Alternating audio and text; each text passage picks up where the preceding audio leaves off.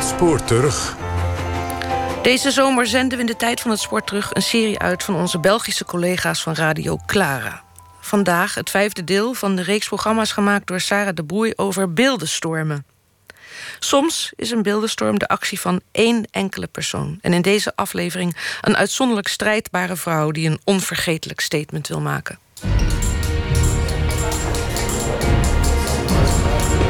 Beeldenstormen.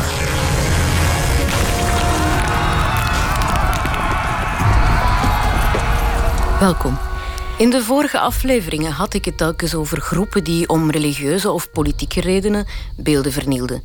Of het nu ging om de protestanten in de 16e eeuw, de Byzantijnse iconoclasten in de 8e eeuw of de Franse revolutionairen in de 18e eeuw. Vandaag wil ik mij buigen over de actie van één persoon, Mary Richardson. Mary Richardson was lid van de WSPU, dat is de Women's Social and Political Union. Het was een organisatie die de militante Emmeline Pankhurst had opgericht in 1903 met als doel om stemrecht te verkrijgen voor vrouwen. Een journalist van de Daily Mail noemde deze vrouwen spottend de suffragettes. Het was een spotnaam die afgeleid was van het Engelse woord suffrage, wat stemrecht betekent. Suffragette werd sindsdien een geuzennaam. Op 10 maart 1914, dat was dan enkele maanden voordat de Eerste Wereldoorlog uitbrak, besloot de suffragette Mary Richardson om iets te doen dat de goede gemeente eens goed door elkaar zou schudden. Over haar beruchte daad sprak ik met kunsthistorica Katlijne van der Stichelen en met filosofe Petra van Brabant. Twee vrouwen die in zekere zin het werk van deze vroege Engelse feministen vandaag verder zetten. Al kan dat nu natuurlijk zonder geweld. Katlijne van der Stichelen doet dat met haar onderzoek naar het werk van vrouwelijke kunstenaars, zowel van oude als hedendaagse kunstenaars. En Petra van Brabant is als filosoof geïnteresseerd in gender studies en de representatie van de vrouw, bijvoorbeeld in pornografie. Aan Katlijne van der Stichelen vroeg ik om te beginnen de context te schetsen waarin Mary Richardson tot haar fameuze daad overging. Dus op 10 maart 1914 besteeg Mary Richardson de trappen van de National Gallery. Zij was op dat ogenblik een van de bekendste suffragettes. Eigenlijk uh, vriendin ook van Emmeline Pankhurst, die het brein was achter deze hele uh, beweging. En het is van belang om op te merken dat Emmeline Pankhurst de 9e maart gevangen was genomen, precies nadat zij een reden had gehouden aan Trafalgar Square. We are fighting for a time in which every little girl born into the world will have an equal chance with her brothers. We do not want to be lawbreakers. We want to be lawmakers.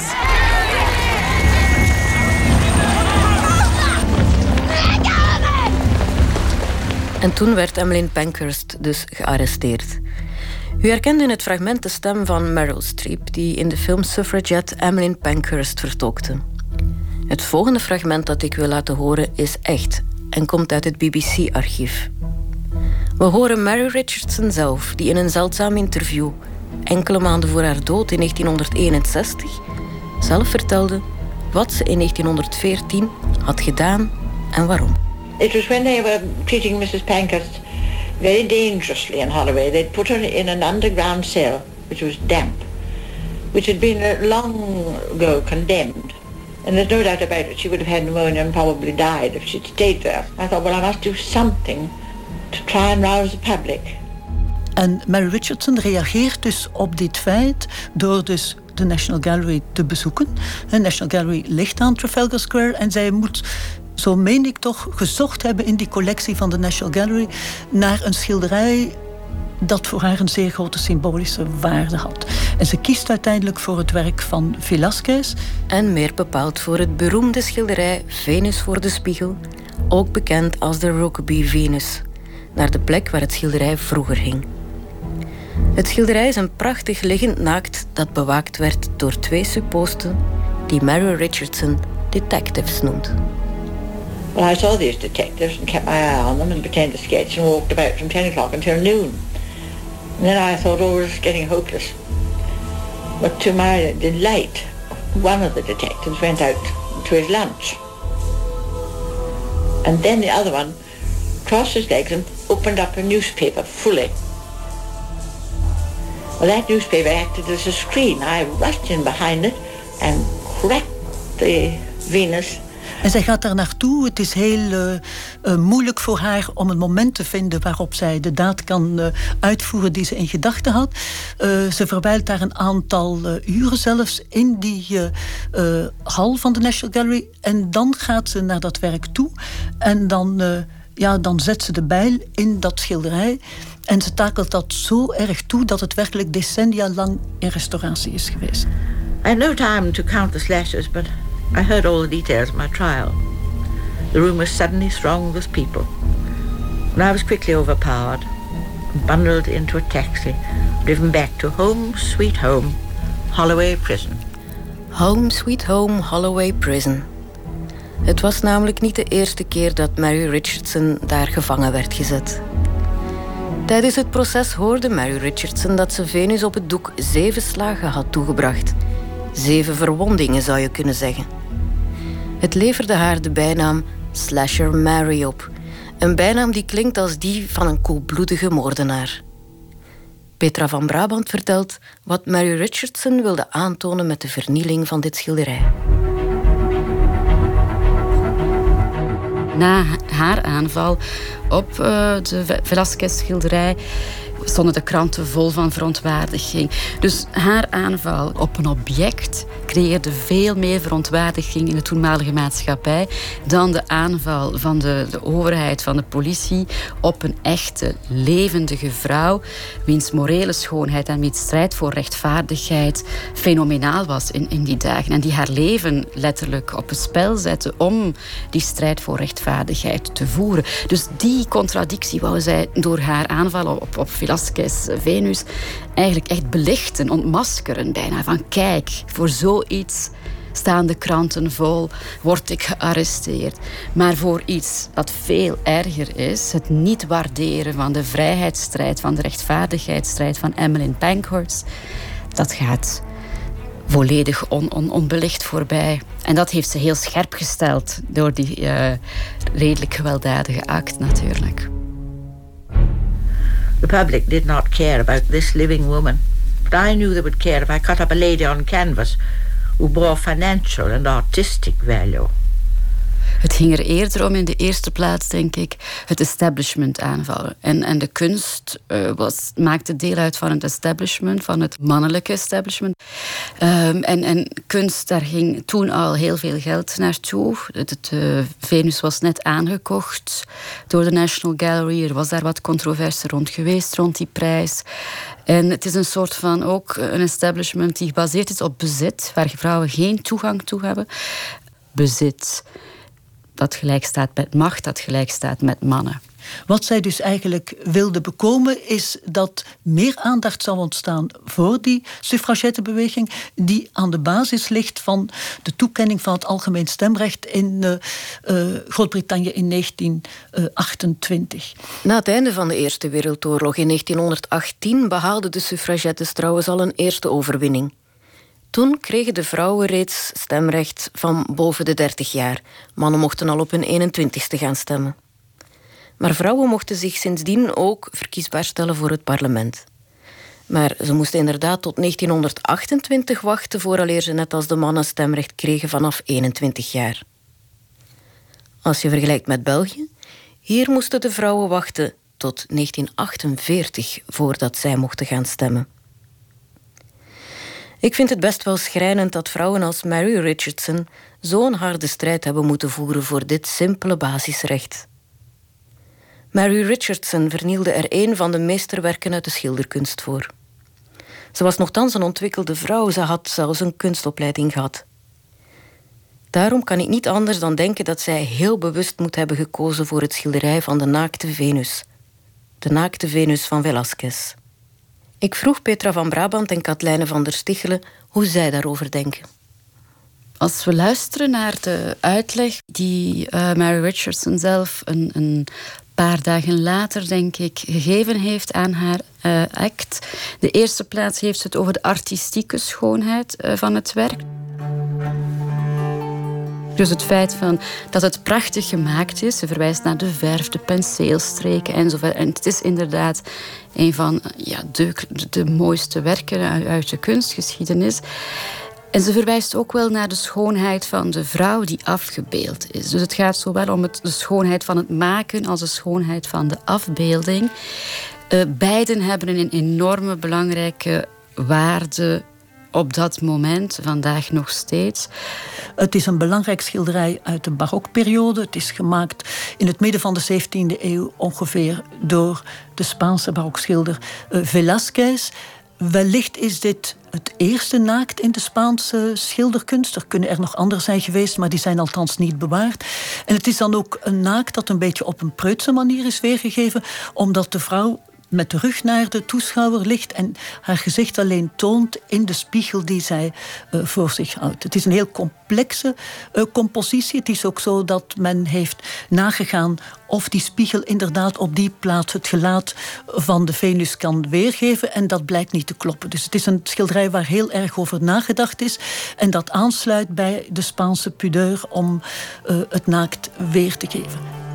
Maar Richardson zet dus de bijl in dat lichaam, vooral van die Venus. Dus als je er zijn foto's bewaart van de manier waarop het was uh, toegetakeld. En ze gaat dus echt niet uh, de omgeving rond dat lichaam, maar echt mikken op dat naakte lichaam. Zou Mary Richardson vanuit haar feministische gedachtegoed met haar daad ook kritiek hebben willen geven op de traditie van het vrouwelijk naakt in de schilderkunst? Katlijne van der Stichelen en Petra van Brabant lijken het op dit punt niet helemaal eens. Dat dat een soort uh, symbolische act is geweest, dat leidt geen twijfel. Het is voor de eerste keer eigenlijk dat een vrouw op die manier zich afgezet heeft tegen een voorstelling van een naakte vrouw. Het feit dat zij naakt was, is natuurlijk een element geweest dat Richardson nog meer moet hebben aangetrokken, omdat daardoor precies werd duidelijk gemaakt dat deze vrouw eigenlijk oogstrelend was voor een mannelijke kijker en dat zij als vrouw daarvan afstand wou nemen.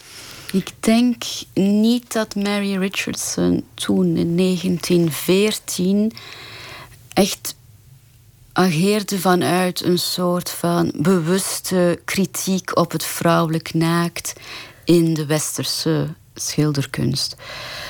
Waarom? Omdat die kritiek is toch wel vooral gevoed door, door, door feministische studies die echt zijn gaan kijken van, van wat is dat nu? Wat gebeurt daar in die kunstgeschiedenis? Er is in de eerste plaats een afwezigheid van, van vrouwen als makers, uh, waar allerlei sociale eh, redenen voor te geven zijn waarom die uitgesloten werden. Maar een tweede belangrijk fenomeen is de ongelooflijke aanwezigheid van vrouwelijk naakt. Het is echt een, een traditie uh, die heel erg opvallend is. Dus men is daar gewoon aan over nadenken. Wat, wat is dat beeld? Wat doet dat beeld met ons? Waar komt dat beeld vandaan? En dat is pas jaren 60 dat het zich echt heel sterk ontwikkeld heeft. Nu, er, er is iets fout met dat vrouwelijk naakt in de westerse kunstgeschiedenis. Petra van Brabant vertelde me waar die traditie vandaan komt. Dat is een, een, traditie dat gestart is eigenlijk in de vierde eeuw voor Christus met het uh, werk van Praxiteles dat verloren is gegaan. Dus hij heeft een Afrodite gebeeldhouwd. En dat was eigenlijk de eerste naakte vrouw. Voordien waren uh, vrouwen in de Griekse beeldhouwkunst gekleed. Ze waren niet naakt. Als we teruggaan naar de Egyptenaren bijvoorbeeld, was vrouwelijk naakt ook heel, heel uitzonderlijk. Betekent niet dat vrouwen in deze uh, maatschappijen een betere positie hadden. Er was gewoon een andere manier om hun uh, onderdrukking te representeren. Het vrouwelijk naakt komt eigenlijk neer, heel simplistisch gesteld, op een objectivering van het vrouwenlichaam. Hier zijn we aanbeland bij de kern van de feministische kritiek op het naakt. De objectivering van het vrouwenlichaam. Petra van Brabant legde me uit wat we daar precies onder moeten verstaan. In de eerste plaats betekent objectivering heel letterlijk tot object maken. Dus als mensen zijn wij allemaal subjecten. Wat betekent dat we subjecten zijn? Is dat we handelen, denken, verlangen, keuzes maken. Dus dat we eigenlijk actief zijn. Een subject in een zin is, is, het actieve deel van de zin. En een object is, is passief. Nu, hoe doe je dat in een schilderij? Wel, er bestaan daar allerlei technieken voor in schilderkunst. Bijvoorbeeld, je, je, je plaatst ehm, de vrouw in passieve posities. Reclining nude is bijvoorbeeld een van de typische. Een vrouw ligt uh, achterover gebogen. Zoals we kunnen zien in de Rokeby Venus van Velasquez, is de typische positie. Daar ligt ze natuurlijk niet uh, frontaal achterover gebogen. Ze ligt wel, ze is in een liggende positie, maar we zien haar langs de achterkant. Je schildert haar op zo'n manier dat van haar lichaam vooral de erogene of de erotische zones centraal staan. Bij de Rokeby Venus is het dan vooral natuurlijk het achterwerk dat heel mooi, door, ook door de manier waarop haar benen liggen, nog speciaal geprononceerd naar voren komt. Dit schilderij is zo gecomponeerd dat je niet anders kan dan plaats te nemen in de positie van een heteroseksuele man en te genieten van een lichaam dat geobjectiveerd is op een erotische manier. Tja, ik begrijp de kritiek, maar moet toegeven dat ik zelf vaak erg kan genieten van een mooie vrouwelijk naakt. Is zo'n mooie naakte Venus dan echt zo problematisch? De objectivering van, van, van een vrouwenlichaam is, is op zich niet zo problematisch. Wat het um, problematische is, is eigenlijk dat, er, dat, dat we niet veel andere beelden van vrouwenlichamen of van vrouwen hebben. Uh, zelfs als we vandaag kijken naar de reclame, het, het is eigenlijk een verderzetting van de schilderkunst, zien we nog altijd vooral geobjectiveerde vrouwenlichamen. Een tweede probleem is dus dat we weinig mannenlichamen in de kunstgeschiedenis hebben die geobjectiveerd zijn. Er zijn er een paar. Maar, maar als je de vergelijking maakt, zijn er bijna geen geobjectiveerde mannenlichamen en zijn er enkel geobjectiveerde vrouwenlichamen. En dit heeft toch wel een zekere impact op hoe wij als vrouw onszelf zien. En dus hoe wij ons gaan gedragen en hoe anderen ons zien, de verwachtingen die anderen van ons hebben, en dus hoe ook zij zich gaan gedragen. Bewust of onbewust. De daad van Mary Richardson om precies een vrouwelijk naakt uit te kiezen om te vernielen, bleek van groot symbolisch belang het is eigenlijk een symbolische daad geworden, omdat zij precies het vrouwelijk lichaam als slachtoffer heeft uh, gekozen. En dus zij heeft de bijl daarin gezet, omdat zij ervan uitging dat dat lichaam eigenlijk een soort uh, object was van de mannelijke verbeelding en dat dat eigenlijk de persoonlijkheid van de vrouw, dus de vrouw als subject, in eenzelfde beweging teniet deed. En dat is een, een heel belangrijk statement geweest, omdat wij zien dat dat eigenlijk de hele 20e eeuw en zelfs het begin van de 21e eeuw opnieuw gaat uh, de kop opsteken. Het was misschien een onbewuste keuze. Maar de geschiedenis heeft getoond dat het een heel symbolisch geladen keuze was. Die ook wel um, de essentie aantoont van wat de suffragettes wilden. In de zin van een gelijke behandeling van mannen en vrouwen. En dat vrouwen ook actieve wezens willen zijn, kunnen zijn en moeten mogen zijn. Uh, de kritiek op, op de onbewuste impact van het vrouwelijk naakt was een veel latere stap. Maar is, zit in dezelfde lijn van vrouwen behandelen en beschouwen en representeren, afbeelden als volwassen uh, subjecten en niet als uh, debiele kinderen. Honderd jaar geleden waren vrouwen dus niet veel meer waard dan een huisdier. Zo mocht een vrouw in Engeland bijvoorbeeld ook geen bezittingen hebben en was zij zelf, wettelijk gezien, gewoon het bezit van haar man.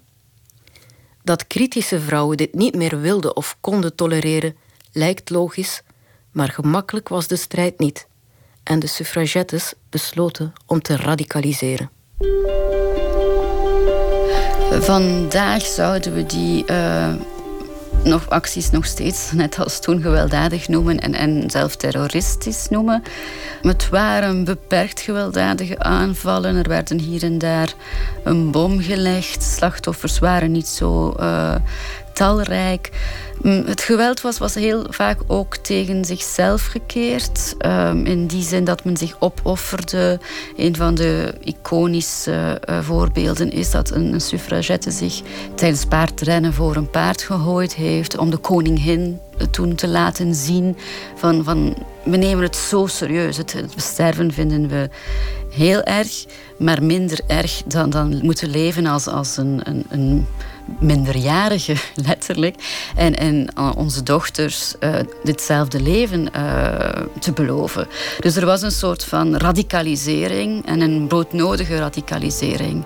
En die agressie, dat fanatieke, is er bij Richardson altijd geweest. Zij is ook op een bepaald ogenblik lid geweest van de fascistische beweging in Londen. Uh, een partijbeweging waar ze relatief kort nadien afstand van heeft genomen. Maar het zegt ook iets over haar zoeken naar politiek activisme en vooral naar een politiek activisme dat in staat was eigenlijk de rechten van vrouwen uh, te verruimen. De suffragettes leken alles over te hebben voor hun strijd. Ook Mary Richardson. In het interview uit 1961 vertelde ze over de strijd die zij en haar medemilitantes ook in de gevangenis voerden. Uit protest tegen hun arrestaties gingen de suffragettes in hongerstaking. Om een einde te maken aan de hongerstakingen, die bij de publieke opinie toch ook tot wat commotie leidden, werden de vrouwen gedwongen gevoed. Een pijnlijke praktijk, zo getuigde Mary Richardson. They fed me through my nose, which was very painful because the nose swells with the tubes. They used to throw me on the floor, cover me with a sheet, and then I'd have about three wardresses huge heavy weights lying across my body to hold me down. And then the doctors would come in, one kneel on my shoulder and the other one would put the tube up my nose. Great long tube with a very stiff end. And of course, uh, it affects your eyes as well as hurting your nose very mm. much. And I sometimes used to think I, I couldn't stand it anymore, that with the solitary confinement. But yes. I don't know, I got help from outside in some sort of way and uh, I just managed to. Mijn bewondering voor de strijd van deze vrouwen nam alleen maar toe toen ik door het maken van deze aflevering meer te weten kwam over Mary Richardson en al die andere suffragettes. Maar al bij al blijft het toch een beetje wringen. Kan een broodnodige sociale strijd de vernieling van een uniek kunstwerk rechtvaardigen? Ik legde de vraag natuurlijk ook voor aan Katlijne van der Stichelen en Petra van Brabant als onderzoeker van 17e-eeuwse uh, schilderkunst is het voor mij heel moeilijk om precies wat er gebeurd is met dit schilderij, Rockaby Venus van Velázquez, uh, te plaatsen. Enerzijds vind ik het natuurlijk een hele grote schande dat zoiets is gebeurd. En vind ik het heel pijnlijk om te zien hoe zo'n bijl gegaan is door, door dat doek en dat lichaam heeft uh, vernield. Langs de andere kant kan ik niet ontkennen dat precies de daad uh, als daad symbolisch een heel hoog gehalte heeft en ook zeer inspirerend is geweest voor de verdere uh, traditie van feministisch geïnspireerde uh, kunstenaars. Het is natuurlijk zo dat ik geen voorstander ben van het actievoeren aan de hand van uh, schilderijen. Ik ben dan ook heel blij dat men erin geslaagd is om het schilderij in sterke mate te restaureren. Althans, zo goed te restaureren dat eigenlijk de, uh, het esthetisch gehalte van dit naakt niet als zodanig wordt aangetast. Hmm. Ik denk dat ik toch misschien meer hou van Mary Richardson. In haar activisme dan van de, de, de, de artistieke uitmuntendheid van Velasquez' uh, ene werk. Wat, wat zo interessant is aan die aanval van Mary Richardson is dat het werk eigenlijk niet volledig onzichtbaar wordt in de vernietiging. En wat ik spijtig vind, is dat iconoclasme in kunst, dat dit achteraf onzichtbaar wordt gemaakt. Want eigenlijk wordt het kunstwerk dan een soort van... Uh, de, de maatschappij wordt uit het kunstwerk weg weggeveegd. Het kunstwerk wordt opnieuw een soort van integer object dat in een sacrale ruimte staat en waar de maatschappij geen impact op heeft. Uh, ik zou het interessanter gevonden hebben had men de keuze gemaakt om het schilderij te blijven tentoonstellen. De schoonheid is eigenlijk niet weg. De artistieke schoonheid van Velázquez is niet weg door die vier of vijf uh, ingrepen van Richardson. Nu is het volledig onzichtbaar gemaakt. Je moet het al weten. Je moet al onderzoek doen. Je moet het al verhaal gehoord krijgen om te weten wat de, wat, wat de sociale strijd op dat schilderij geweest is. Ik zou de meeste vormen van iconoclasme laten bestaan in hun iconoclastische realiteit. Wat een spiegel is van onze geschiedenis, een spiegel van onze maatschappij en een spiegel van de strijd die onze maatschappij telkens opnieuw kenmerkt. Je kan kunst daar niet voor behoeden.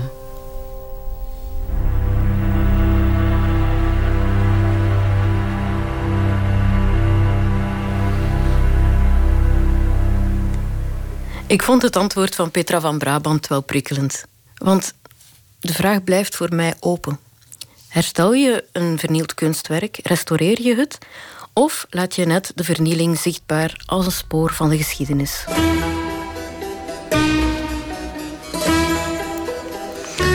U hoorde het vijfde deel van de serie Beeldenstormen die wij deze zomer uitzenden. En die vorig jaar gemaakt zijn door onze Belgische collega's van Radio